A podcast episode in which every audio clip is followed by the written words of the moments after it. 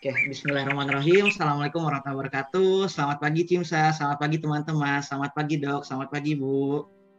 Selamat pagi. Ya. Ya, kembali lagi bersama kami di sini di podcast Cimsa FK Unisba. Sebelumnya perkenalkan terlebih dahulu, saya Hanif Dwi Putranto dan, dan juga ada teman saya. Ya, saya Kintana Dianisa. Ya, kita di sini sebagai moderator dalam podcast uh, eh, 3M Scorp Cimsa FK Unisba kali ini gitu ya. Dan di sini teman-teman buat yang dengerin kita kedatangan dua narasumber yang sangat hebat dan sangat berpengalaman banget sama topik yang akan kita bahas hari ini. Nah, di sini narasumber yang pertama itu ada Dr. Cita Hoiro atau dipanggil Dr. Adi ya atau Dr. Adit? Adit aja. Dr. Kak Adit. aja kali, nggak usah dok. Oh iya, Kak. Uh, ada Kak Adit dari Satgas Covid Perubahan Lingkungan dan ada Kak Ranitya dari founder Waste uh, Waste Solution Hub ya kak ya? Betul betul sekali. Halo teman-teman nah. semuanya. Halo. Halo. Gimana kak hari ini kabarnya sehat? Sehat banget, seger yeah. banget nih pagi-pagi bisa bertemu dengan teman-teman semuanya pastinya. Oke, alhamdulillah kalau semuanya baik. Oke, mungkin tanpa berlama-lama lagi kita mulai aja ya. Oke, uh, mungkin uh, di sini izinkan kami untuk memaparkan terlebih dahulu mengenai uh, kegiatan 3M ini secara uh, singkat mungkin ya. Jadi di sini Scorpium Self Kaunisba, uh, di sini kita akan melaksanakan kegiatan 3M yaitu menggunakan, melepas dan juga membuang. Nah, di mana kalau untuk kegiatan 3M ini sendiri di sini nantinya kita akan mengangkat topik mengenai limbah masker itu sendiri. Nah, di mana kalau untuk kegiatan 3M ini sendiri nantinya kita akan uh, untuk memperingati daripada Hari Bumi Sedunia seperti itu. Nah, jadi mungkin di sini untuk topik yang pertama kita bahas, di sini mungkin ada bagaimana uh, cara untuk mengenakan dan juga untuk mengolah daripada limbah masker secara efektif dan juga secara benar. Gitu. Mungkin seperti itu. Ya, jadi di sini kan seperti yang udah kita tahu sendiri pada saat pandemi pasti semua orang keluar rumah tuh pakai masker, mau masker kain ataupun masker lainnya. Dan seperti yang kita tahu ada jenis-jenis beberapa jenis masker, ada masker bedah, masker kain, masker sekali pakai, ada masker N95. Itu kan punya kelebihan dan kekurangan masing-masing ya kayak. Ya. Nah, di sini kalau misal kita lihat sendiri pasti yang terdengar stigma di masyarakat kalau misal masker ramah lingkungan pasti masker kain karena masker kain pun bisa dipakai ya, berkali-kali. Nah itu tuh apakah benar e, masker kain itu ramah lingkungan? Uh, mungkin ingin dengar pendapatnya dok dari uh, Kak Adi dulu, Kak Adi dulu mungkin. Uh, Kak maaf masih di mute. Oke, okay, sorry. Nah, jadi kalau limbah masker itu sendiri, kalau kita bilang ramah lingkungan, tentu tidak ya. Hmm. Karena dia bahannya ada yang kain, ada yang kalau yang uh, sekali pakai itu kan bahannya plastik dia kan polimer tiga lapis itu. Eh ini suaraku jelas nggak? Putus-putus nggak? Ini kayaknya putus-putus nih. Oh, jelas kok kak. Jelas, jelas ya. Oke okay, oke. Okay. Iya. Nah itu dari hasil penelitian dari LIPI tahun lalu itu di Sungai Cilincing dan di Sungai Marunda ada peningkatan sekitar 16 persen dari limbah medis. Limbah medis yang dimaksud ini adalah masker kain, masker uh, plastik itu masker sekali pakai maksudnya masker medis, lalu face shield dan lain-lain. Nah, artinya ini yang akan mengotori lingkungan. Itu kemarin sempat menjadi suatu isu yang besar juga kemarin masuk ke media ini. Kalau kalian cari itu ada peningkatan limbah medis yang besar di uh, Teluk Jakarta karena sungai-sungai dari Bandung, dari Bekasi, dari sekitar Jakarta dan dari Jakarta itu kan nanti bermuaranya akan ke Teluk Jakarta. Nah, semuanya masuk ke sana. Nah, di situ tuh kemarin ketika diteliti LIPI dibandingkan dengan penelitian LIPI tahun 2016 itu ada peningkatan sekitar 16 persen, lumayan besar peningkatannya. Nah, ini yang perlu kita pahami bahwa memang eh, masker-masker ini tidak bisa dia bilang ramah lingkungan gitu ya. Hmm gitu. Iya. Ya. Baik kalau dari Karanitya sendiri apakah ada yang mau ditambahkan mungkin pendapatnya? Ya, aku setuju banget uh, dari Kak Adi ya, Dokter Adi bahwa memang masker sekali pakai atau kita bilangnya masker medis ya, walaupun uh, sekarang kan masker medis ada beberapa macam juga ya, gitu ya.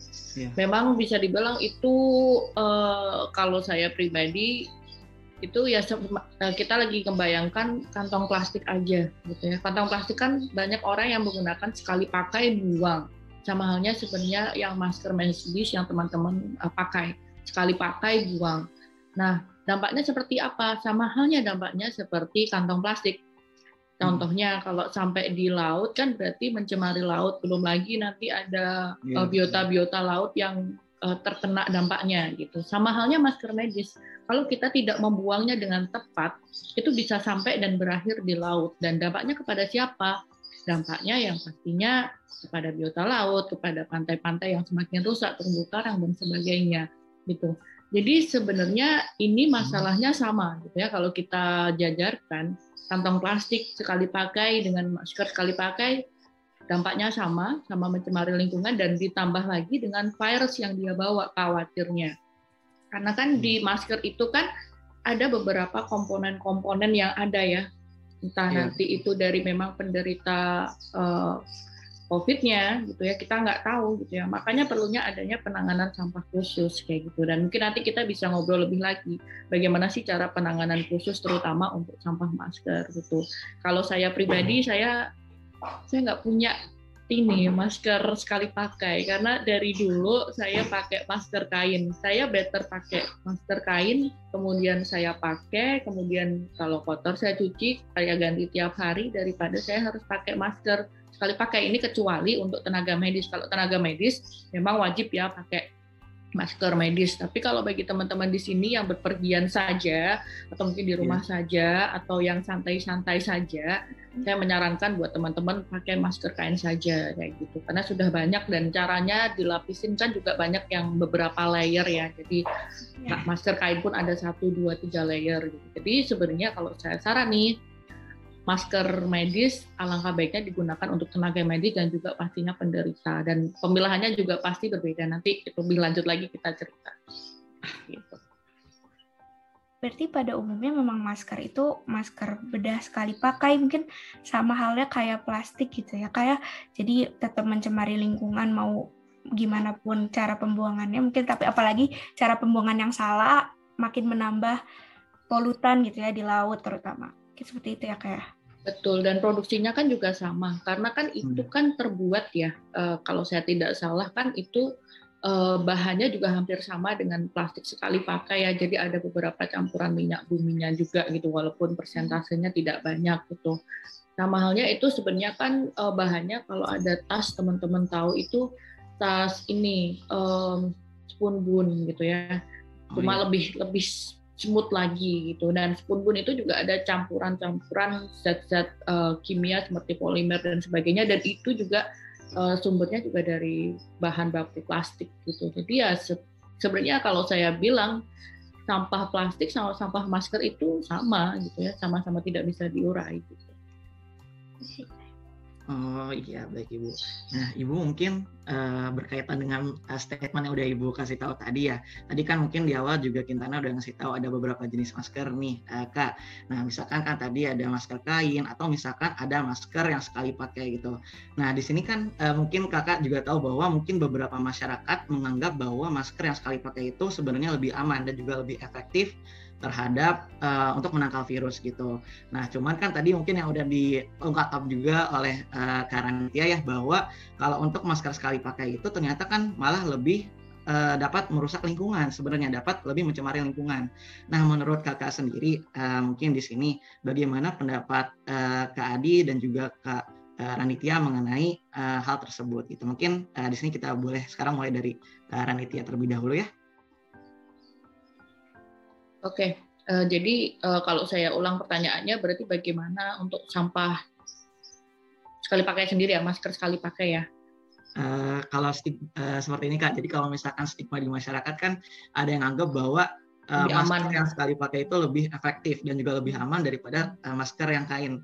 Nah, oh, iya, kan tadi mungkin dari statement yang kakak kawan sendiri bahwa kalau untuk uh, masker yang sekali pakai itu uh, dia itu kan lebih mencemari lingkungan.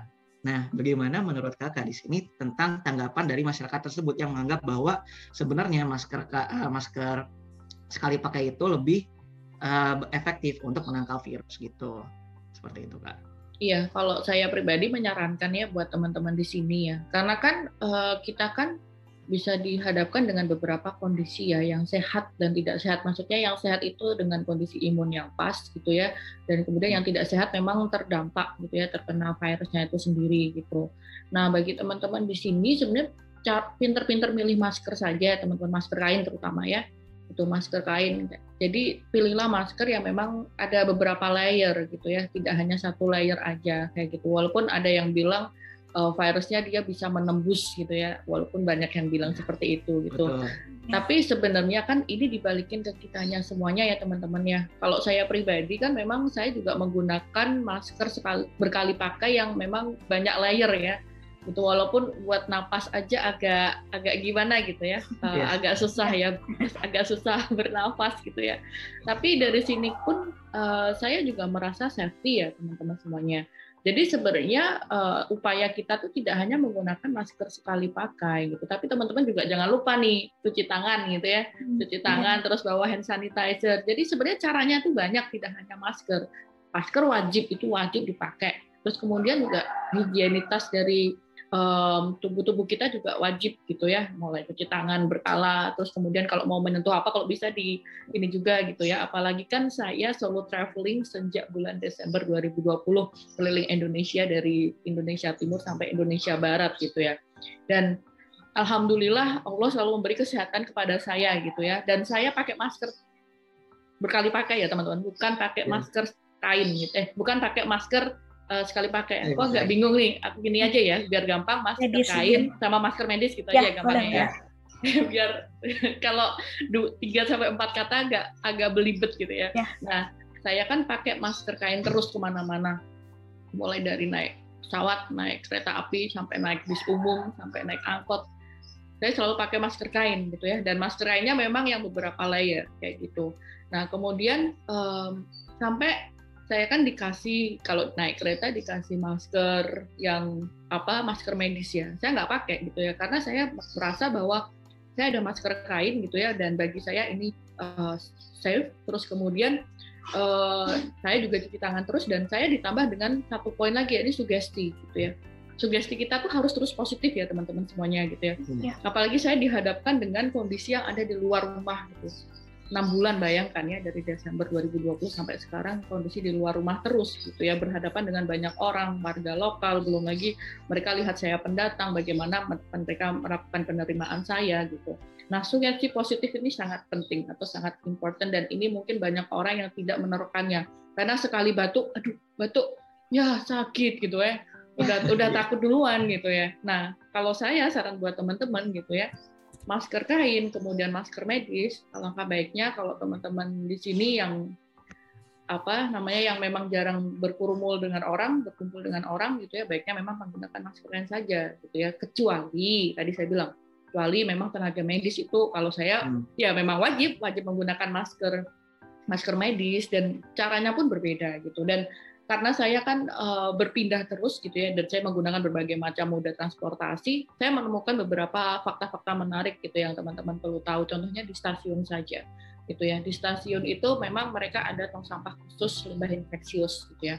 Hmm, itu yang untuk pembuangan face shield sama uh, masker medis gitu. Dan memang salah satu cara untuk penanganan sampah masker, masker medis itu dengan kita memilah sampah memang dari awal gitu ya kalau memang sudah terlanjur karena banyak orang juga yang akhirnya di mix gitu ya di mix dengan sampah-sampah yang lainnya. Contohnya sampah rumah tangga sampah organik sampah plastik semua dicampur gitu. Dan seharusnya itu tidak boleh dicampur karena itu termasuk uh, limbah sampah masker uh, limbah uh, infeksius sederhana gitu. Dan dulu Waste Solution Hub itu Maret juga tahun lalu kita ada campaign kampanye namanya gunting maskermu. Karena waktu itu memang lagi viral banget lagi masalah banget tentang banyak oknum-oknum yang bisa dibilang uh, tidak bertanggung jawab mengumpulkan masker kemudian dijual lagi. Waktu itu masker iya. medis harganya masih mahal gitu ya. Iya, hanya ya, kita mengedukasi masyarakat agar saat mereka sudah menggunakan masker medis jangan lupa untuk digunting kembali digunting atau disobek atau di apa pun itu dia dirusak gitu ya biar tidak digunakan lagi. Dan tidak dibuang gitu aja. Jadi emang harus ada tong khusus yang memang menyediakan uh, limbah infeksius sendiri seperti itu Nah, itu sih gambarannya ya gitu ya. Jadi kalau saya bilang, kalau saya pribadi tetap saya kekeh menggunakan masker kain karena saya bukan tenaga medis kayak gitu. Dan saya juga pasti pemilih pemilihan masker pun juga agak agak agak apa ya agak pemilih juga saya menggunakan yang beberapa layer saya punya tiga layer gitu ya. Yeah. dan dan harus diganti tiap harinya harus dicuci juga gitu dan saya memang ada beberapa stok juga um, masker kain gitu dan ya intinya uh, tadi saya bilang ada tiga cara yang perlu kita lakukan ya tidak hanya menggunakan masker saja gitu ya masker kain saja tapi juga harus terus berkala cuci tangan dan juga sugesti positif yang memang harus kita terapkan terus gitu. Iya. Oke, baik Kak, terima kasih. Mungkin kalau untuk Kak Adi ada yang uh, ini tambahkan atau mungkin ada tanggapan lainnya? Oke, nah uh, kalau dari aku mungkin uh, yang perlu dipahami dulu bahwa tidak semua uh, masker sekali pakai itu adalah masker medis. Jadi mungkin teman-teman juga nanti ketika koas harus hati-hati nih, karena ya. tidak semua masker sekali pakai itu uh, masker medis. Kita bisa lihat tuh tulisannya di kemasannya itu ada yang tulisannya not for medical purpose gitu kan, atau bukan uh, untuk uh, bukan masker medis gitu ya. ya betul. Tapi memang dia sekali pakai bahannya plastik itu tipis-tipis biasanya. Nah kalau saranku sendiri untuk masyarakat seperti Kak Ranitia tadi, kalau memang dia exposure-nya itu tidak tinggi atau resikonya itu rendah, hmm. maka memang lebih disarankan pakai masker kain. Tentunya juga kita harus bisa tahu uh, masker kain mana yang dipakai gitu ya. Tidak sembarangan kain asal kain bisa dipakai gitu kan. Ya, kain goni nggak bisa dipakai kan? Iya. Ya. Nah, itu jadi uh, perlu kita tahu bahannya apa, lalu tidak bisa cuma selapis seperti kata kayak Kak Ranitia tadi, beberapa lapis. Masker yang polimer saja tiga lapis, gitu kan, dengan dia ketebalan dan daya saring yang beda-beda, gitu. Nah, memang di situ sih, kalau memang exposure-nya tidak terlalu tinggi, saya rasa juga lebih baik kain gitu ya. Kecuali mungkin dia memang bekerja di mana yang tinggi yang ada exposure ke rumah sakit yeah. atau tempat-tempat umum yang memang rawan mungkin lebih disarankan yang medis gitu ya medisnya pun yang memang certified untuk uh, penggunaan medis banyak yang abal-abal loh hati-hati iya yeah. betul, gitu, betul, ya. karena memang tentu yang sekali pakai ini kan kalau ketika sudah selesai dipakai dia jadi limbah infeksius hitungannya kan limbah B3 ya. nah ya, tentu penanganannya juga lain gitu hmm. Oke, baik. Terima kasih banyak mungkin untuk Kak Ranitia dan juga Kak Adi. Jadi mungkin kalau aku bisa simpulin berarti untuk penggunaan masker itu sendiri gimana tempat kita berada gitu ya. Misalkan kalau misalkan kita di daerah yang riskan terhadap tertular virus misalkan di rumah sakit itu emang sebaiknya kita menggunakan masker uh, bedah atau mungkin masker sekali pakai gitu. Tapi kalau misalkan kita cuma keluar aktivitas sehari-hari biasa doang, maksudnya kayak misalkan ya jalan-jalan biasa mungkin lebih baik pakai masker yang kain aja gitu ya. Mungkin yang bisa cuci ulang biar kita juga sekalian bisa menghemat eh bisa sekalian uh, mengurangi limbah masker terhadap uh, efek pencemaran terhadap lingkungan seperti itu ya mungkin mungkin tadi berhubungan juga tadi kan masker itu merupakan limbah infeksius ya jadi pasti banyak virus ataupun bakteri yang nempel kalau bisa di maskernya. Terus tadi tinggi juga penggunaan masker. Nah tadi kalau misalnya berhubungan juga kalau misalnya masker itu nanti kalau bisa buang sembarangan ke sungai itu kan berarti nanti bermuara di laut mungkin mencemari lingkungan. Mungkin secara umum dan secara global ataupun secara spesifiknya sebenarnya limbah uh, masker itu sebenarnya uh, seperti apa mungkin pendapat dari Kak Adi dulu? Efek ke lingkungan atau efek ke mungkin ke masyarakat jadi sampahnya seperti apa? Oke, nah efek ke lingkungan seperti yang tadi kita bahas di pertanyaan pertama itu ya tentu mencemari lingkungan sehingga nanti akan mencemari ekosistem terutama di air ya kalau di laut itu ya. Di air kita sering lihat tuh yang foto yang ada masker nyangkut di kura-kura, eh di penyu, sorry, di penyu dan iya. lain-lain itu ya yang akhirnya merusak ekosistem gitu. Nah, di masyarakat sendiri tentu ini akan meningkatkan uh, resiko penularan COVID ya kan? Karena COVID itu kan dia walaupun virus itu akan mati sendiri, tapi dia punya ketahanan di berbagai permukaan. Nah, kalau dari penelitian kan ada uh, dibilang rata-rata di permukaan plastik itu virus SARS-CoV-2 ini bisa sampai 72 jam. Bahkan ada penelitian yang bilang bisa sampai tujuh hari. Nah, jangka waktu dari dia terpapar sampai dia dibuang ini nanti kena orang lain itu kan artinya meningkatkan resiko penularan. Terutama yang paling ya. yang paling beresiko tertular tentu petugas-petugas kebersihan yang nanti akan mengolah sampah-sampah tersebut kalau sampah itu dicampur dengan sampah domestik, sampah biasa itu. Makanya ini pentingnya kita memilah sampah yang sampah medis itu masker dan juga sampah domestik lainnya, sampah rumah tangga lainnya itu perlu dipisah gitu. Nah, resiko paling tinggi itu adalah tentu uh, penularan dan yang kedua seperti Kak Raniti tadi bilang yang nomor dua adalah penyalahgunaan oleh oknum-oknum tidak bertanggung jawab. Nanti itu banyak tuh fotonya tuh. Jadi sama dia dicuci lagi, bisa terikat terus dijual coba. Hmm. Mungkin kalian kalau suka lihat itu yang kemungkinan dijual lagi itu yang kalau kalian di mana ya, misalkan di lampu merah, di lampu merah gitu ya, suka ada yang jual ketengan nggak ada merek uh, masker medis gitu yang diplastikin. Nah itu tuh yeah. kemungkinan besar tuh dari situ tuh. Kalian perlu waspada itu. Nah jadi tiga itu ya, tiga poin tadi menurutku yang yang jadi dampak terbesarnya ya mencemar ekosistem, terutama ekosistem laut di air, peningkatan ya. resiko penularan infeksi dan juga resiko penyalahgunaan oleh oknum tidak bertanggung jawab. Mungkin dari Karanitia sendiri ada tambahan sebelum ada pertanyaan lagi nih tadi berhubungan ada hal yang menarik banget pengen dibahas dari Karanitia dulu mungkin ada tambahan. Iya, kalau dari aku sedikit aja, jadi setuju banget uh, dari Kak Adi ya. Jadi tadi kan Kak Adi bilang gitu ya. Jadi yang pertama adalah bahayanya memang tadi. Jadi uh, virus kan bisa bertahan ya gitu ya. Contohnya tidak hanya bertahan di masker. Contoh ada beberapa riset juga yang menunjukkan gitu ya bertahan di plastik itu 72 jam atau tiga hari. Kemudian di cupboard atau di karton gitu ya kurang lebih kalau nggak salah hmm. itu sekitar 24 hours atau satu hari gitu ya.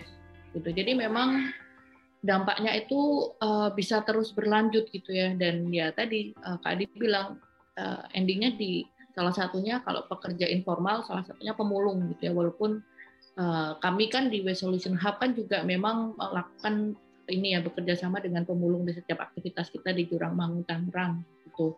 Nah, walaupun dari pemulung kami mungkin sudah sudah kebal dengan berbagai macam hal ya, kami juga belum belum ya. belum belum ada kabar nih pemulung kami kena COVID gitu ya, karena mungkin bagi mereka hal-hal yang seperti itu sudah sudah sangat sudah kebal lah gitu ya, ya apa imunitas mereka sudah jauh daripada kita kayak gitu ya.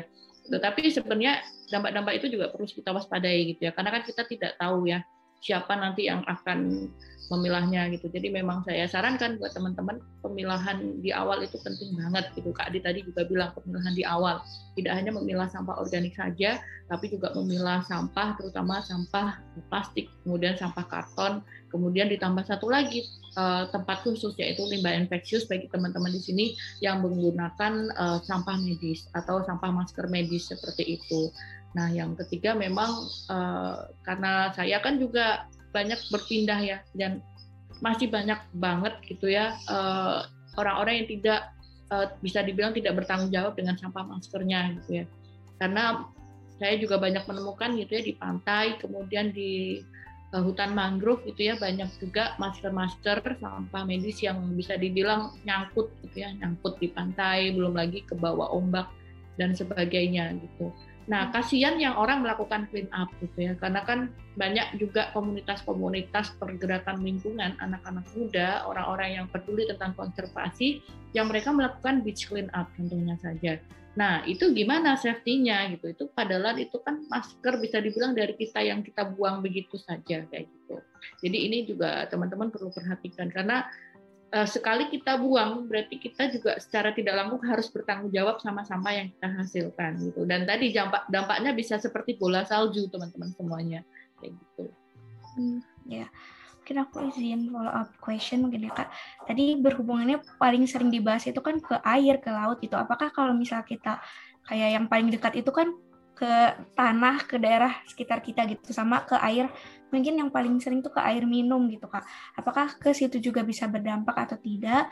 Terus berhubungan sama tadi pemilihan uh, sampah di awal mungkin tadi apakah sep seperti apa gitu? Kita harus memilihnya dengan cara uh, bagaimana? Apakah tadi memang harus ada di rumah untuk di rumah sendiri harus ada sampah medis, sampah uh, rumah tangga seperti itu. Karena pada akhirnya nanti kan dibuangnya ke tempat yang sama juga kan tetap diambil sama truk sampah yang sama. Karena kan di kita sendiri nggak ada pemilihan hari-hari tertentu seperti di Jepang mungkin ya kak. Ada hari-hari tertentu pembuangan sampah organik non organik seperti itu. Kalau misal harusnya seperti apa gitu. Oke, jadi saya kedua Pak Adi dulu deh. boleh nih dari mungkin dari Kak Adi dulu deh boleh. Oke, nah uh, memang kalau dalam hal ini kita uh, perlu komitmen dari pemerintah, terutama pemerintah daerah yang punya dinas lingkungan hidup, yeah. karena uh, ketika di masyarakat sudah memilah akan percuma kalau tidak dipilah lagi nanti di dinas Eh, lingkungan hidup atau dinas kebersihan setempat.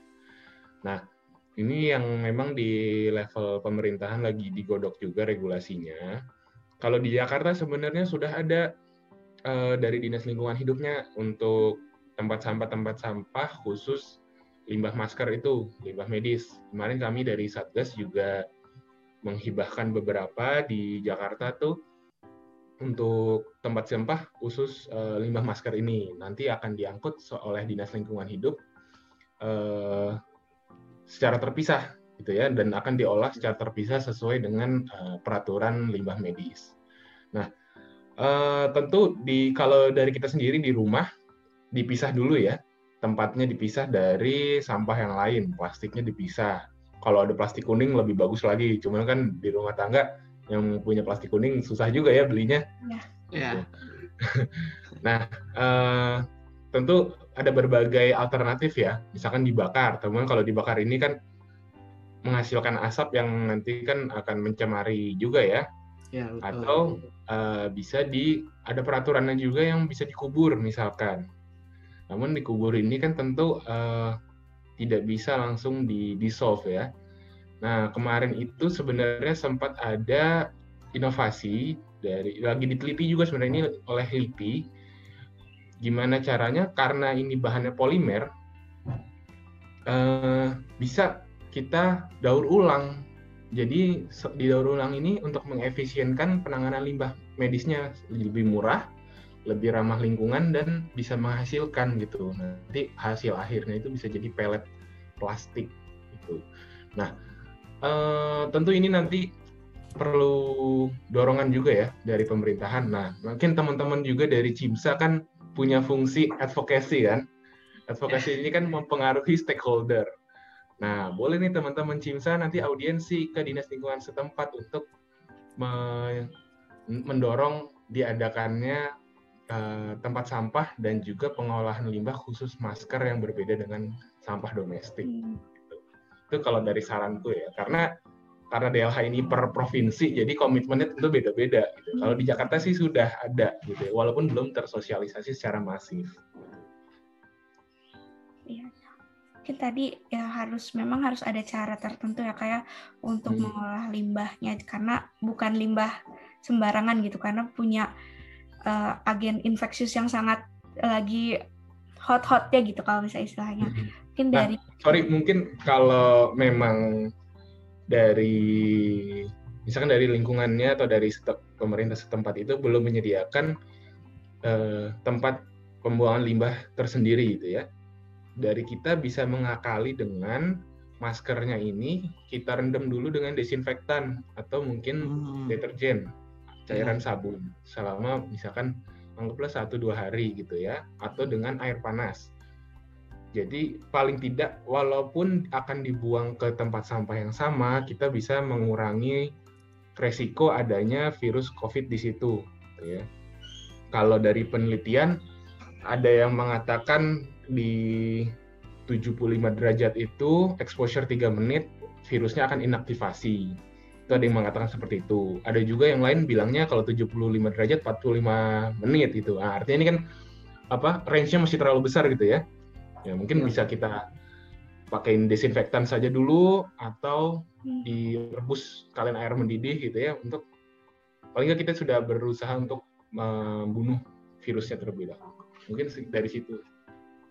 Intinya harus di kalau di nggak di tadi dibersihin dulu bisa diberi rendam sabun atau direndam di air panas gitu ya kak. Kalau hmm. dari Karanitya sendiri ada tambahan mungkin kak? Ya, kalau tambahan saya, jadi uh, lebih dari uh, lebih lebih ke komitmen ya. Maksudnya komitmen ini kepada teman-teman individu ya, gitu ya. Terutama yeah. teman-teman yang uh, di rumah kayak gitu. Jadi kalau dalam sistem pengelolaan sampah gitu ya kan mereka berpikir sampah kita sudah buang gitu ya nanti DLH yang ngurusin tapi tidak semudah itu teman-teman semuanya gitu. Jadi alangkah baiknya memang ada komitmen gitu ya sebelum ada virus pun memang harus ada komitmen dalam pemilahan sampah gitu ya. Apalagi memang pemerintah juga sedang menggalakkan gitu ya suatu kebijakan gitu ya di tahun 2019 lalu adanya 30 persen uh, sampah uh, bisa dibilang uh, 30% sampah tertangani dan kemudian 70 70% sampah di recycle atau didaur ulang gitu kalau saya tidak salah ya gitu ya. Jadi memang salah satunya dengan kita menerapkan prinsip ini teman-teman semuanya ya. Jadi kita mempunyai tong sampah yang berbeda gitu ya di tiap rumah, di tiap rumah kita masing-masing gitu ya. Contohnya untuk yang organik gitu ya, memang harus ada tempat khusus yang organik dan itu bisa dijadikan kompos kayak gitu. Dan hmm. emang saya pribadi menerapkan itu gitu di rumah gitu. Nah, kemudian bagaimana untuk yang sampah plastik? Mereka kan berpikir nanti juga diangkut sama pemerintah gitu ya. Nah, alangkah baiknya memang teman-teman juga mempunyai tempat tempat plastik sendiri gitu ya, tong sampah sendiri gitu, tong sampah plastik khusus plastik sendiri. Karena kenapa? Uh, plastik ini juga bisa bisa dibilang masih bernilai ya teman-teman ya. Maksudnya masih bisa bernilai ini bisa masih dijual terutama di bank sampah atau di recycling unit gitu. Jadi teman-teman sebenarnya tidak, tidak perlu khawatir karena per kilo per kilogram saja itu sudah bisa dijual kayak gitu. Terus yang kedua misal ada sampah kertas atau karton itu juga bisa dijual gitu ya di kalau di daerah ada loak atau apa gitu mereka mau menerimanya gitu. Dan memang ini ada beberapa fakta juga gitu ya uh, sorry tadi yang tadi saya bilang peraturan pemerintah ini namanya Perpres nomor 97 tahun 2017 itu jadi 30% sampah tereduksi dan 70% sampah tertangani di tahun 2025 kayak gitu. Nah, jadi kan tadi saya bilang sudah ada uh, tempat khusus pemilahan sampah yang organik sendiri dijadikan kompos karena ada beberapa fakta yang menyebutkan dan kami Waste Solution Hub juga ada fakta karena kami juga handling beberapa event. Jadi organik itu lebih dari 51 persen gitu. Jadi secara tidak langsung kalau kita sudah memilah sampah organik, that means that 50 persen masalah sampah itu sudah teratasi gitu. Nah kemudian gimana untuk sampah kertas, sampah kardus, sampah plastik gitu ya. Nah itu kan kurang lebih kalau kertas dari data kami itu kurang lebih ada 18 persen, kemudian plastik ada 11 persen gitu. Tinggal tambah aja tadi 50 tambah 18 tambah 11 itu udah sekitar uh, 79 gitu ya berarti masih ada kurang lebih 20-an, eh ya benar 21 persen lagi. 21 persen kardus 4 persen, berarti tadi dikurangi satu lagi, berarti kurang lebih 18 persen. 18 persen, belum lagi sampah yang lainnya yang masih bisa dijual gitu. Jadi memang komitmen pribadi itu sangat penting gitu ya. Teman-teman bisa melihat gitu ya. Waktu dulu saya kejuan ke Amerika Serikat, ke Jepang juga, mereka itu pemilahan tidak hanya empat jenis gitu, sampai puluhan jenis gitu ya. Nah hmm. komitmen pribadi rumah masing-masing ini sangat penting teman-teman semua. Yeah. Karena dengan kita melakukan pemilahan, organik sudah diurus selesai dengan kompos, kemudian plastik styrofoam dibawa ke, eh sorry, plastik kardus dan sebagainya dibawa ke bank sampah dijual. Jadi tinggal berapa persen? Less than 10% ya gitu. Belum lagi tadi sampah masker. Memang ada perlunya uh, tong sampah khusus ya bagi teman-teman di sini yang menggunakan sampah masker yaitu tadi uh, Kak Adi bilang perlunya ada limbah infeksius kayak gitu. Nah, caranya gimana? Ya tadi kalau memang mau dihancurkan virusnya berarti perlu direndam dan sebagainya. Tapi kalau memang tidak ada waktu, dimasukkan saja ke tong sampah itu, kemudian kan nanti bisa dibiarkan beberapa hari kan nanti akhirnya virusnya kan sudah bisa dibilang sudah tidak tidak aktif lagi ya kayak gitu. Nah kemudian dikumpulkan, kemudian baru dibuang gitu ya. Maksudnya dibuang dengan tulisan ditulis limbah infeksius sederhana gitu agar masyarakat bisa tahu gitu. Oh ini limbah uh, plastik infeksius sederhana, eh limbah masker uh, sederhana kayak gitu. Nah, ini yang perlu penting diperhatikan dan terlebih lagi um, ini juga teman-teman perlu tahu tadi saya sempat mention kalau di setiap stasiun itu sudah ada tong sampahnya gitu. Cuma kita belum tahu sama dinas lingkungan masing-masing apa apa dia dibawa ke TPA atau dihancur atau dimusnahkan. Dimusnahkan itu kan perlu ada tenaga khusus karena uh, pengolahan sampah infeksius sama sampah biasa itu berbeda gitu. Kalau infeksius kan ada namanya suatu uh, teknologi insinerator dan sebagainya gitu. Dan itu dibakar dengan suhu uh, tinggi tertentu gitu. Dan itu tidak semua daerah uh, punya dan mempunyai standar itu gitu. Jadi sebenarnya uh, saya pun juga pengen diskusi nih dengan Kak Adi gitu ya. Uh, bagaimana bisa nggak sih sebenarnya kalau dari warga warga kita warga biasa ini mau membawa uh, sampah limbah infeksiusnya ke misal rumah sakit atau mungkin uh, tempat yang memang mereka menerima uh, pemusnahan limbah limbah ini gitu. Contohnya tadi di, uh, misal di daerah Jakarta dia dia punya insinerator terus kemudian kita bawa uh, limbah infeksius ini ke tempat insinerator apakah mereka menerima atau tidak? Atau misal ada tidak rumah sakit yang memang mereka menerima limbah infeksius dari masyarakat sekitar kayak gitu. Gitu. Jadi ini beberapa malah saya tanya ya ke Kak Adi. Karena saya juga kurang tahu nih Kak gitu. Gitu ini saran beberapa saya jadi memang perlu komitmen sendiri ya pemilahan sampah dan jangan mengandalkan pemerintah lah kalau saya bilang. Andalkan diri teman sendiri, kemudian banyak unit-unit swasta dan bank sampah. Ada ribuan bank sampah yang tersebar di seluruh Indonesia, manfaatkanlah itu. Kayak gitu. Karena mereka juga butuh nih gitu. Mereka butuh sumber uh, sumber uh, sampah yang bisa digunakan kembali gitu kan. Karena kan plastik kan jadi microplastik uh, jadi pelet plastik juga terus kertas bisa daur, jadi kertas daur ulang juga kayak gitu. Ya mungkin pada intinya memang komitmen diri sendiri sih kayak untuk mau ya. berubah untuk mau melakukan sesuatu yang lebih baik dari sebelumnya gitu. Mungkin dari Kak Adi tadi ada tanggapan mungkin Kak dari rumah sakit apakah ada langkah-langkah untuk menanggulangi atau melakukan uh, recycle gitu dari masker-masker Kak? Memang tadi uh, ini memang ini Kak banyak terhambat regulasi ya regulasi limbah khususnya limbah medis di Indonesia ini lumayan saklek. Saklek dan emang lumayan uh, keras juga gitu ya. Bisa uh, apa menyangkut masalah hukum juga gitu ya. Nah tentu kalau misalkan masyarakat ini membawa ke rumah sakit pasti rumah sakit pertama uh, kemungkinan keberatan ya. Kemungkinan keberatannya itu akan tambahan uh, biaya operasionalnya mereka untuk limbah medis, ya kan? Karena hitungannya kan per kilo tuh. Belum lagi kalau nanti masyarakatnya bawanya bukan cuma limbah medis, tapi ternyata limbahnya semua dimasukin ke rumah sakit gitu ya. Isinya nanti macem-macem gitu, dimasukin aja asal, yang penting plastiknya kuning gitu kan. Bisa jadi gitu ya.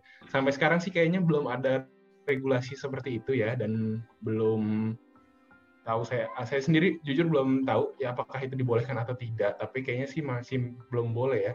Karena pertama rumah sakit itu uh, belum semua punya insinerator seperti yang tadi Kak Ranitia bilang ya. Oh ya insinerator ini adalah salah satu mesin yang untuk mengolah limbah medis. Jadi sesuai namanya insinerator untuk membakar sampah gitu ya. Dia macam-macam kalau regulasi sekarang dari Kementerian Lingkungan Hidup kan paling tidak dibakarnya di suhu 800 derajat gitu. Nah, kemarin itu Satgas juga uh, menghibahkan beberapa insinerator ke daerah-daerah yang membutuhkan, yang memang uh, di daerah situ COVID-nya tinggi, tapi uh, pengolahan limbahnya masih sulit. Gitu. Jadi memang deh rea, uh, teman-teman realitanya itu masih ada ketimpangan juga nih uh, pengolahan limbah di baik di, di pusat maupun di daerah. Misalkan nih di Jakarta untuk mengolah satu kilogram limbah medis itu misalkan anggaplah sembilan ribu rupiah harga uh, biaya pengolahannya. Di Papua misalkan itu bisa per kilonya itu tiga puluh lima ribu. Nah, coba kalikan dengan uh, hitungan ton-tonan. Yeah. Bisa ratusan ton gitu ya. ya Jomplang sekali kan. Nah, di situ karena misalkan di Jakarta mungkin ada insinerator atau insineratornya dekat gitu ya atau pihak ketiga yang punya insinerator ini yang pengolah limbahnya ini dekat. Nah, kalau ngambil ke Papua ini jauh biayanya mahal gitu. Apalagi nanti kalau ditambahkan dengan yang dari masyarakat. Memang ini yang perlu dipikirkan juga PR dari pemerintah, Kak. Bener, Kak, Kak Ranitia itu. Ini yang dari kemarin masih kita godok terus. Makanya kemarin salah satu yang di di apa kita hibah itu di Papua itu di Jayapura itu. Jadi tujuannya untuk eh, pertama-tama untuk bisa mengolah paling tidak mungkin di masyarakat belum, tapi di fasilitas-fasilitas kesehatan di Papua dulu bisa diolah di situ, tidak harus jauh-jauh dibawa limbahnya ke Jawa gitu ya. Gitu. Jadi kalau menjawab pertanyaan apakah boleh ke rumah sakit, ya jujur saya belum tahu ya, cuman ya. uh, mungkin sepertinya belum bisa gitu. Hmm.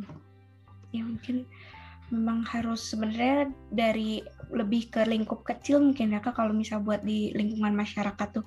Lebih ke cara kayak penanggulangan seperti tadi mungkin ada pemberdayaan kelompok tertentu mungkin untuk melakukan di sini untuk uh, me, memperbaiki atau me, melakukan di sini itu untuk merecycle istilahnya untuk merecycle dari sampah masker itu sendiri. Mungkin dari Hanif ada tambahan mungkin?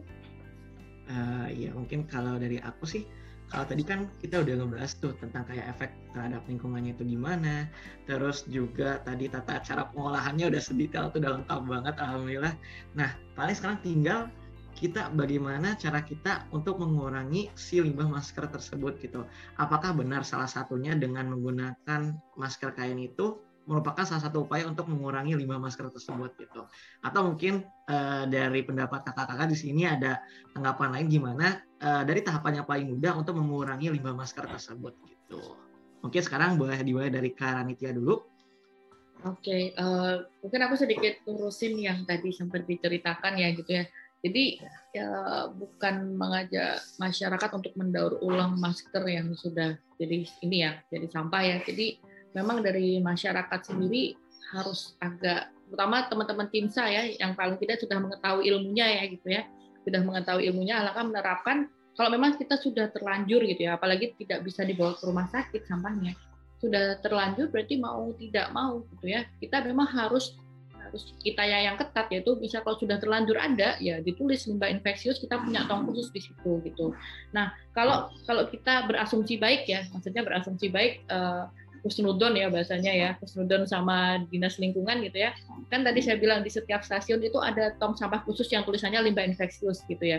Ya coba dibuang di situ saja gitu ya. Secara tidak langsung oke okay, di sini pemerintah sudah mengolahnya kayak gitu. Karena kalau misal dari rumah sakit tidak mampu berarti ya dibawa ke tempat uh, tempat yang mau menerima limbah infeksius itu yang salah satunya yeah. tadi stasiun terdekat ataupun tadi dan di beberapa spot di Jakarta kan memang sudah ada tong sampah yang dihibahkan ya ada tong sampah khusus yang itu menerima limbah infeksius gitu ya. Jadi memang perlu ada effort di situ kalau memang sudah terlanjur. Nah kemudian kalau saran saya gimana nih pakai masker kain atau masker uh, masker medis gitu ya. Yang yang tadi saya bilang yang pasti ya kalau memang teman-teman di sini yang tidak banyak kegiatan yang mungkin di rumah saja dan memang uh, aktivitasnya sedikit ya menggunakanlah masker kain ini salah satu cara yang efektif terutama menanggulangi sampah masker sekali pakai kayak gitu. Karena uh, bagi saya sampah masker sekali pakai gitu ya itu hanya untuk orang-orang yang memang sangat berkaitan dengan hal ini gitu. Ya tadi saya bilang adalah tenaga medis terus kemudian yang memang orang uh, terkena covid kayak gitu. Ataupun yang yang sering berkerumun ya. Sering berkerumun di tempat-tempat bisa dibilang yang berlalu lalang ya contohnya saja misal yang bekerja di misal di bandara atau di stasiun kan itu banyak berinteraksi dengan banyak orang ya, gitu ya. jadi ya, memang betul. mau nggak mau ya memang harus uh, prosedurnya seperti itu tapi kalau kita sebagai orang biasa jarang keluar ngapain juga pakai masker seperti itu gitu ya karena kan ya bisa dibilang kita nggak ke mana-mana juga kayak gitu jadi ya saran saya kita harus bisa menempatkan lah menempatkan kondisi kita di mana gitu. Dengan kita menempatkan posisi kita di mana kayak gitu, kita bisa tahu oh, ada saatnya kita menggunakan masker medis, ada saatnya kita menggunakan masker kain dan ada saatnya mungkin kita tidak pakai masker tentunya di rumah saja kayak gitu. Jadi ya, saya saran buat teman-teman di sini karena kenapa dengan kita mengurangi penggunaan masker medis secara tidak langsung kita juga mengurangi tumpukan sampah masker yang berserakan di mana-mana yang ini menjadi salah satu problem juga sekarang kayak gitu. Nah, Kemudian uh, sampah kain bagi saya juga perlu dilakukan pemilahan ya tadi saya bilang pemilahan khusus. Dipilih juga mau masker medisnya yang kalau eh, masker kainnya kalau bisa yang high quality juga maksudnya high quality dengan beberapa layer yang standarnya hampir sama gitu ya dengan masker medis yang sekali pakai kayak gitu. gitu. Jadi kalau saya pribadi ya pakailah masker kain itu selama kebutuhan kita tidak begitu ini banget gitu ya. Dan saya pribadi juga even saya traveling saya menggunakan masker kain terus gitu ya. Kayak gitu. Ya. Oke baik oke baik terima kasih kak. Nah uh, sekarang mungkin uh, biar masyarakat lebih tahu nih biar kita kita lebih tahu. Nah mungkin kan tadi kalau dari pemerintah upaya untuk menanggulangi limbah masker ini salah satunya adalah dengan memisahkan uh, tong sampah khusus untuk masker ya. Tadi mungkin misalkan ada uh, tong sampah warna kuning ya. Nah mungkin kalau sekarang uh, dari uh, Karanitya nih dari Waste Solution Hub. Mungkin gimana solusinya atau mungkin apa yang sudah dilakukan oleh Waste Solution Hub? Mungkin kan salah satunya tadi kalau nggak salah ada relawan uh, pembersihan di pantai kayak. Um, kalau kami untuk uh, masker hmm. ini kita ada kampanye namanya gunting maskermu. Jadi cek aja hashtag gunting maskermu. Itu sebenarnya kita udah start tahun lalu bulan Maret akhir karena kita udah melihat momo ini sangat akan mengerikan di kemudian hari gitu ya walaupun mungkin sekarang baru rame sekarang berarti it's been a years later gitu ya tapi nggak apa-apa ini bisa terus digalakkan sama teman-teman gitu ya gitu. jadi cek aja nanti di Instagram kami ada cek aja hashtag gunting maskermu gitu ya dan situ ya. intinya adalah kampanye kalau memang sudah terlanjur pakai gunting aja gunting atau sobek rusak aja kemudian masukkan di uh, tong sampah yang memang menerima limbah infeksius atau pilah sampahnya ditulis limbah infeksius. Dan kami juga sebenarnya ada ada caranya. Jadi mungkin teman-teman bisa scrolling down gitu ya karena kebetulan waktu pandemi kami juga banyak kampanye-kampanye gitu ya. Jadi bisa scrolling down cara-caranya seperti apa kayak gitu. Dan kalau kami kemarin itu menyarankan ya bagaimana cara yang sangat sederhana dari Resolution Hub tawarkan yaitu pertama robek, potong, gunting masker agar tidak digunakan lagi kemudian lipat sebaiknya bagian dalam ditutup ya. Jadi bagian maksudnya yang buat buat napas ya ditutup.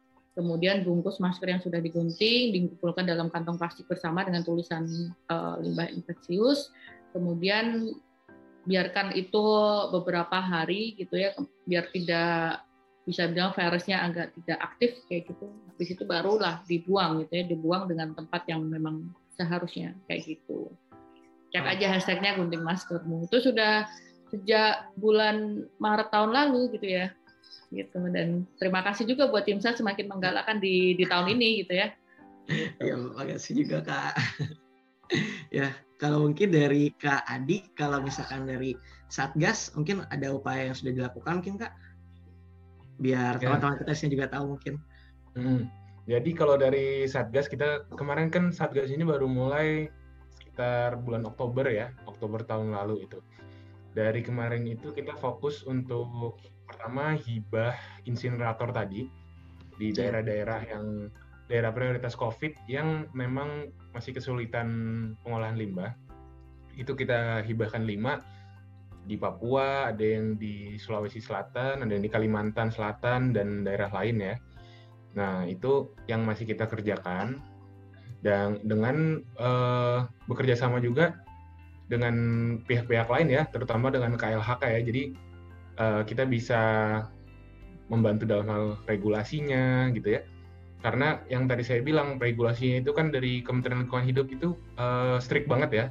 Nah, berhubung ini kondisinya emergensi, kondisinya pandemi ini lagi butuh cepat, jadi kita beraudiensi dengan KLHK untuk uh, membantu regulasinya ini uh, dilonggarkan sedikit biar kita bisa cepat penanganan pandemi ini lebih cepat gitu. Nah ini salah satunya nanti mungkin kalian juga bisa nih melakukan audiensi ke pemerintah-pemerintah daerah setempat nih untuk uh, penanganan secara lokal gitu ya. Lalu kita juga uh, melakukan uh, edukasi ke tim-tim pengolah limbah medis di se-Indonesia waktu itu. Kita baik seminar, maupun secara uh, training of trainers kayak Cimsa ada TOT gitu ya. ya Lalu di bulan Februari kemarin kita mengadakan pekan peduli limbah masker itu karena uh, dari ketua Satgas Covid Pak Legend Doni Monardo ini sudah uh, beliau menekankan sekali nih.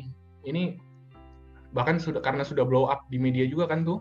Waktu itu yang di Teluk Jakarta itu ada peningkatan limbah medis nah ini beliau menekankan uh, ini harus ditangani segera atau paling tidak uh, kita perlu menyadarkan masyarakat ya artinya kan masyarakat nih bahkan bukan cuma membuang masker secara benar ya, membuang sampah secara benar aja belum gitu. Iya, susah banget. Setuju banget. Perlu edukasi secara baik gitu di sini. Sampai bisa ke sungai itu artinya dia kan masih buang sembarangan ke sungai kan, nggak cuma masker, apa pun dibuang ke situ. Nah, kita kemarin melakukan edukasi di situ. Salah satu kita kerja sama sama Cimsa juga loh, sama Drian, sama oh, iya. dan teman-teman yang lain. Yeah. ya. Salah satunya sama Cimsa. Jadi di pekan peduli limbah masker kemarin itu kita pengen uh, meningkatkan kepedulian masyarakat di berbagai level dengan uh, teman-teman yang milenial kita kemarin kerja sama sama Cimsa dan juga dengan bidang perubahan perilaku di Satgas gitu ya. Kita sharing kalau teman-teman kemarin datang kita sharing gimana sih cara mengedukasi masyarakat terus uh, dari Cimsa share uh, cara mengolah limbah maskernya juga tentang COVID-nya sendiri juga gimana dia matinya dia hidupnya seperti apa gitu ya. Bahkan kita mengundang uh, komunitas pendongeng untuk uh, mengedukasi anak-anak. Jadi kemarin banyak kita undang juga tuh ada yang anak-anak didongengin tuh jadi edukasi dalam bentuk dongeng untuk masuk ke anak-anak yeah. ada juga yang di level pemerintahan, maksudnya orang-orang yang dinas lingkungan hidup, dinas kesehatan, nah itu bentuknya kan lebih formal tuh. Kemarin di pekan itu kita ngadain uh, seminar sama Kemenkes gitu ya. Nah, di, jadi di Satgas ini lebih ke uh, meningkatkan bantuan infrastruktur, peningkatan kapasitas dari tenaga-tenaga pengolah limbah, edukasi ke masyarakat, dan juga untuk advokasi dalam hal regulasinya itu. Begitu, teman-teman. Oke, makasih banyak Kak. Jadi mungkin uh, yang harus digalakkan itu adalah edukasi ya Kak ya. Nah betul, mungkin betul. ya, dan mungkin di sini karena berkaitan dengan edukasi nih kak. Nah mungkin saran dari kakak-kakak nih kak, gimana cara kita mungkin uh, mungkin di sini kita sebagai mahasiswa agar kita tuh dapat mengedukasi terutama mungkin yang uh, lebih utamanya mungkin uh, lingkungan sekitar kita misalkan orang tua, kerabat terdekat, atau mungkin karena sekarang juga lagi pandemi gimana sih cara kita misalkan mahasiswa untuk mengedukasi teman-teman kita yang lagi jauh gitu kak. Terutama kan sekarang lagi masa-masa pandemi nih otomatis kan harus berjauhan juga nih. Nah mungkin saran dari kakak-kakak nih kak. Gimana caranya cara kita uh, mahasiswa biar bisa kita mengedukasi orang-orang gitu kak? Bagaimana caranya untuk uh, mengolah uh, limbah tersebut seperti itu kak? Uh, mungkin kalau sekarang uh, boleh mulai dari kak Adi dulu kak. Oke jadi untuk uh, masyarakat jadinya ya. Ya. Yeah. Oke, Nah, tentu uh, teman-teman pasti udah biasa ya di Cingsang edukasi masyarakat gitu ya, terutama di community development. Pasti kalian udah paham lah cara-caranya gitu ya. Cuman mungkin yang perlu kita uh, perhatikan itu pertama adalah uh, medianya. Ya, medianya kan uh, gimana caranya bisa masuk ke target audiens kita. Ya, misalkan anak-anak tentu kita nggak bisa kan kita kasih deh ini peraturannya seperti ini kamu nanti dihukum seperti ini ini kalau buang sampah sembarangan nggak bisa kayak gitu. Medianya harus tepat. Kalau anak-anak tadi mungkin contohnya kita seperti berdongeng gitu ya.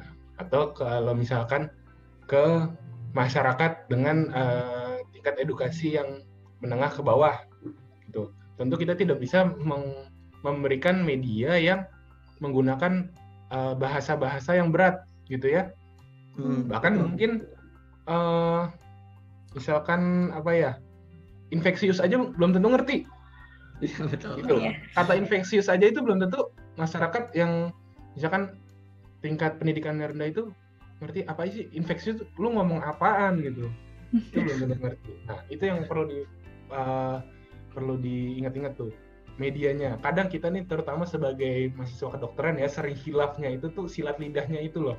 Kadang iya. membahasakan yeah. niatnya bagus tapi membahasakannya ke masyarakat itu kadang suka tidak tepat gitu. Ini hmm. memang perlu ya dilakukan terus gitu ya. Terus namanya kita teman-teman nih anak-anak muda, kita semua anak muda, kita tidak boleh tuh yang namanya menggurui, apalagi ke yang lebih tua gitu ya. Nah, ya Jadi sifatnya itu kayak lebih uh, memberikan dorongan gitu ya. Kan kalau edukasi itu ada beberapa macam ya. Ada yang ya. dari nasihat, dorongan, insentif, maksudnya insentif ini dikasih bonus sampai hukuman gitu. Kalau udah level hukuman mah udah level pemerintah ya, ya. pakai regulasi. Gitu ya. Nah, mungkin kita teman-teman ini dinasihat sama dorongan gitu ya. Kalau mau insentif, kalau ada duitnya boleh. gitu. Nah, terus salah satu cara yang bagus juga itu adalah kita menggandeng tokoh masyarakat, misalkan tokoh masyarakat hmm. atau influencer atau artis yang kira-kira berpengaruh di tempat tersebut. Misalkan ya. di level ibu-ibu sinetron Raffi Ahmad itu misalkan gitu ya yang yang didengarkan atau misalkan kalau di level apa ya ya pokoknya uh, kalau misalkan anak-anak muda misalkan siapa sih uh, apakah Atta Halilintar ini contoh ya contoh gitu ya iya. jadi kita sebisa mungkin menggandeng tokoh-tokoh atau influencer yang yang namanya dia influencer artinya dia yang bisa mempengaruhi ke situ gitu ya yeah. jadi masyarakat biasanya cenderung lebih uh, lebih compliance-nya lebih ke arah yang mereka sukai atau mereka panutin gitu ya. Kemarin bahkan sempat ada penelitian sedikit dari satu lembaga penelitian yang dia meneliti ini masyarakat tuh ngedengerinnya siapa sih? Gitu ya.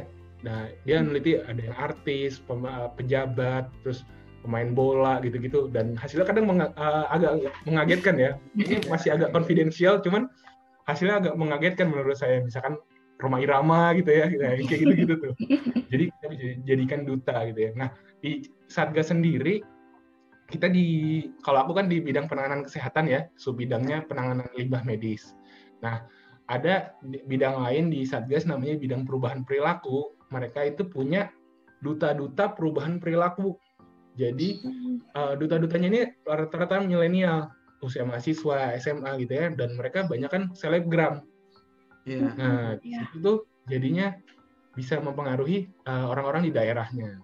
Nah selain itu hmm. kenapa kita ngambil dari seluruh daerah? Karena tentu bahasa nomor satu yeah. bahasa itu penting ya misalkan yeah. kalian di Bandung pakai bahasa bahasa Sunda yang lebih masuk masyarakat juga menerimanya selain menerima secara bahasanya lebih masuk secara perasaan hatinya pun lebih masuk oh ini deket sama gue kalau lu yeah. Hmm. ngomong ke masyarakat misalnya masyarakat Sunda pakainya gue lu udah gak mau masuk gitu gitu iya ya begitu nah di Satgas sendiri kita bikin pedoman perubahan perilaku itu ada buku bukletnya pedoman perubahan perilaku cara pakai masker cara buang dan lain-lainnya itu ada dibikin dalam 77 bahasa daerah tujuannya itu tadi untuk bisa masuk ke berbagai lapisan daerah. Eh iya, lapisan daerah. Jadi perlu diperhatikan juga usianya, pendidikannya, lingkungannya seperti apa, budaya setempatnya itu seperti apa itu perlu kita lihat dan juga terakhir perlu diberikan contoh tentunya. Masa kan nggak bisa kita kasih bayangan aja seperti apa. Kita berikan contoh. Teman-teman tentu kan sudah punya komdev. Nah bentuknya seperti komdev itu bisa. Jadi jangan kita hit and run aja. Kita datang Bu, harusnya begini, begini, begini, udah cabut, nggak ada follow up. Nah, seperti yeah. community de community developmentnya Cimsa, kita ajarkan, kita contohin bikinnya seperti apa, tapi dengan sumber dari mereka, oleh mereka, gitu kan, sehingga nanti mereka ketika kita lepas bisa secara mandiri dengan sadar dan dengan resource-nya sendiri tidak bergantung sama kita mengolah limbah maskernya sendiri. Gitu sih kalau menurutku secara mudah ya. Walaupun nanti prakteknya di lapangan tentu susah lebih susah daripada yang diomongin ya. Iya. Oke, makasih Kak Adi. Mungkin kalau dari Karaniti ada yang ditambahkan mungkin? Oke, kalau kalau dari aku sebenarnya tambahnya ini banget ya sedikit saja gitu ya dan harapannya sih ini mewakili tiap segmen ya. Maksudnya tiap segmen itu seperti apa gitu ya. Jadi kan kalau kita lakukan analisis stakeholders, malah ini ngomongin project management nih bakalan panjang ya. Nah kalau kita ngomongin uh, analisis stakeholders kan banyak segmen yang ada ya gitu ya. Tadi uh, Mas, tadi bener banget gitu ya Mas Adi. Jadi libatkanlah pihak-pihak gitu ya. Memang yang mempunyai power gitu ya, mempunyai kekuatan gitu ya, kekuatan di daerah gitu ya. Nah, kalau dalam analisis stakeholders, analisis stakeholders kan dalam kalau membuat suatu hal dan pengen berdampak lebih luas kan tidak hanya melibatkan ngandelin pemerintah saja ya, tapi harus mengandalkan yeah. banyak pihak. Yang pertama kan pemerintah pasti, kemudian pihak swasta gitu ya. Pihak swasta mana nih yang kira-kira um, bisa gitu ya. Uh, jadi swastanya juga perlu dicek. Maksudnya dicek itu di list gitu ya kalau bisa setiap perusahaan mereka juga menerapkan ini kepada karyawannya kayak gitu. Kemudian pihak swasta, kemudian juga pihak media gitu ya. Karena tanpa adanya media informasi yang dibuat contohnya peraturan eh, peraturan dibuat oleh pemerintah kalau tidak ada media yang menyebarkan informasi itu mana tahu gitu ya eh, masyarakat eh, masyarakat biasanya gitu ya jadi perlu melibatkan media juga gitu ya bahwa misal kalau ada kampanye ini how to make it viral dan bagaimana agar mereka tuh tahu oh caranya seperti ini apalagi tadi uh, Mas Adi juga menceritakan ada panduan ternyata wah oh, panduannya dari berbagai macam bahasa daerah di Indonesia. Nah ini kan saya juga baru tahu juga. Nah bagaimana membuat viral ini juga sangat penting tadi melibatkan media terus kemudian tokoh lokal ini sangat penting karena tadi betul semuanya didengar itu tokoh lokal. Kalian ngomong sama mereka Maksudnya misal Kimsa melakukan kampanye ngomong langsung dibandingin Pak RT yang bilang mereka lebih milih Pak RT kayak gitu. Jadi hmm. ambillah kepala-kepala itu, kepala RT, Pak Lurah, Pak Camat, ya. Bupati. Nah, mereka pasti nurut gitu. Belum lagi ketua adat, eh, pasti mereka akan nurut banget gitu dibandingin siapa nih Cimsa gitu kan. Nah, ya. ambillah orang-orang seperti itu. Terus tadi influencer juga harus dilibatkan karena mereka lebih lebih wah karena uh, influencer kan secara tidak langsung kan akhirnya mereka mengikuti oh ternyata influencer mereka aja udah peduli lingkungan gitu saya juga tidak mulailah ya udah better pakai misal uh, masker kain saja kayak gitu. Itu baru ngomongin uh, analisis stakeholders ya. Jadi memang uh, analisis stakeholders ini ini sangat penting ya. Tidak hanya diterapkan di kegiatan-kegiatan kita project management dan project teman-teman tapi dalam setiap kampanye yang kita buat itu juga perlu dilihat gitu ya. Apakah sudah ada media terwakili? Apakah sudah ada influencer atau pihak-pihak yang mempunyai kekuatan sudah terwakili? Apakah memang dari pihak lokal sudah terwakili? Dan sebagainya gitu. Jadi memang harus uh, kalau kita bilangnya sekarang itu pentahelix gitu ya. Jadi kerjasama atau kolaborasi pentahelix antar yeah. institusi kayak gitu. Bahasa kerennya tuh sekarang pentahelix gitu. Oke, baik Kak. Terima kasih. Jadi mungkin yang bisa aku perhatikan di sini. Mungkin kalau misalkan kita mau mengedukasi ke masyarakat, misalkan yang diperhatikan tadi mungkin dari Kak Adi, uh, mungkin dari uh, apa uh, sosial budaya masyarakat setempatnya itu bagaimana. Terus juga uh, tadi mungkin uh, antara Kak Adi dan juga Kak Ranitia bisa mengajak orang-orang yang memiliki influencer yang tinggi, misalkan dari selebriti atau misalkan juga tadi dari ketua-ketua adat mungkin misalkan ya sekiranya bisa memberikan influence yang lebih banyak terhadap masyarakat. Kurang lebih seperti itu ya Kak. Ya. Oke. Okay. Mungkin karena tadi udah banyak banget insight-insight baru buat kita yeah. sendiri, mungkin buat masyarakat juga yang dengerin kayak oh ternyata ada ada pedoman loh, ternyata ada campaign tadi gunting maskermu loh. Ya, betul. Ternyata banyak hal-hal mungkin yang terlewat sama kita yang sebenarnya kita tuh buka Instagram tuh setiap hari kita buka informasi baru tuh setiap hari tapi ada hal-hal yang penting yang suka kita lewatin gitu. Mungkin aku izin menyimpulkan dari awal sampai akhir. Mungkin buat pendengar juga yang kayak apaan sih ini lama banget gitu, apa ngobrol apa aja. Mungkin kalau misalnya mau tahu kesimpulannya mungkin gini. Jadi tadi masker itu yang kita bisa pakai itu kalau mau kayak ke warung doang atau kita cuma jalan-jalan keluar sebentar kalau bisa sih pakai masker kain aja ya karena itu kan lebih ramah lingkungan. Kita bisa pakai masker itu berkali-kali daripada kita pakai masker yang sekali pakai yang nantinya kita bisa merusak lingkungan kita. Apalagi maskernya dibuangnya sembarangan. Kita nggak ngerti cara ngolahnya kita nggak ngerti cara buat uh, buangnya gitu nggak boleh. Jadi kita harus pakai masker yang lebih ramah lingkungan. Karena masker tadi itu ternyata masker sekali pakai itu sama aja kita satu kresek. Jadi sama aja kayak kita buang plastik sembarangan gitu. Ya, Jadi betul. kita harus tahu tata cara buat uh, mengolahnya gitu. Terus buat teman-teman kalau bisa udah terlanjur nih udah sering pakai masker sekali pakai. Kalau bisa sebelum dibuang kita itu harus rendam dulu misal pakai sabun atau kita rendam pakai air hangat, air panas, gitu air mendidih. Nah, itu tuh bisa mengurangi penyebaran dari virusnya sendiri karena virusnya udah dinonaktifkan. Dan jangan lupa di sini juga bisa kita ikut nih ikut campaign. Ada campaign yang namanya gunting maskermu.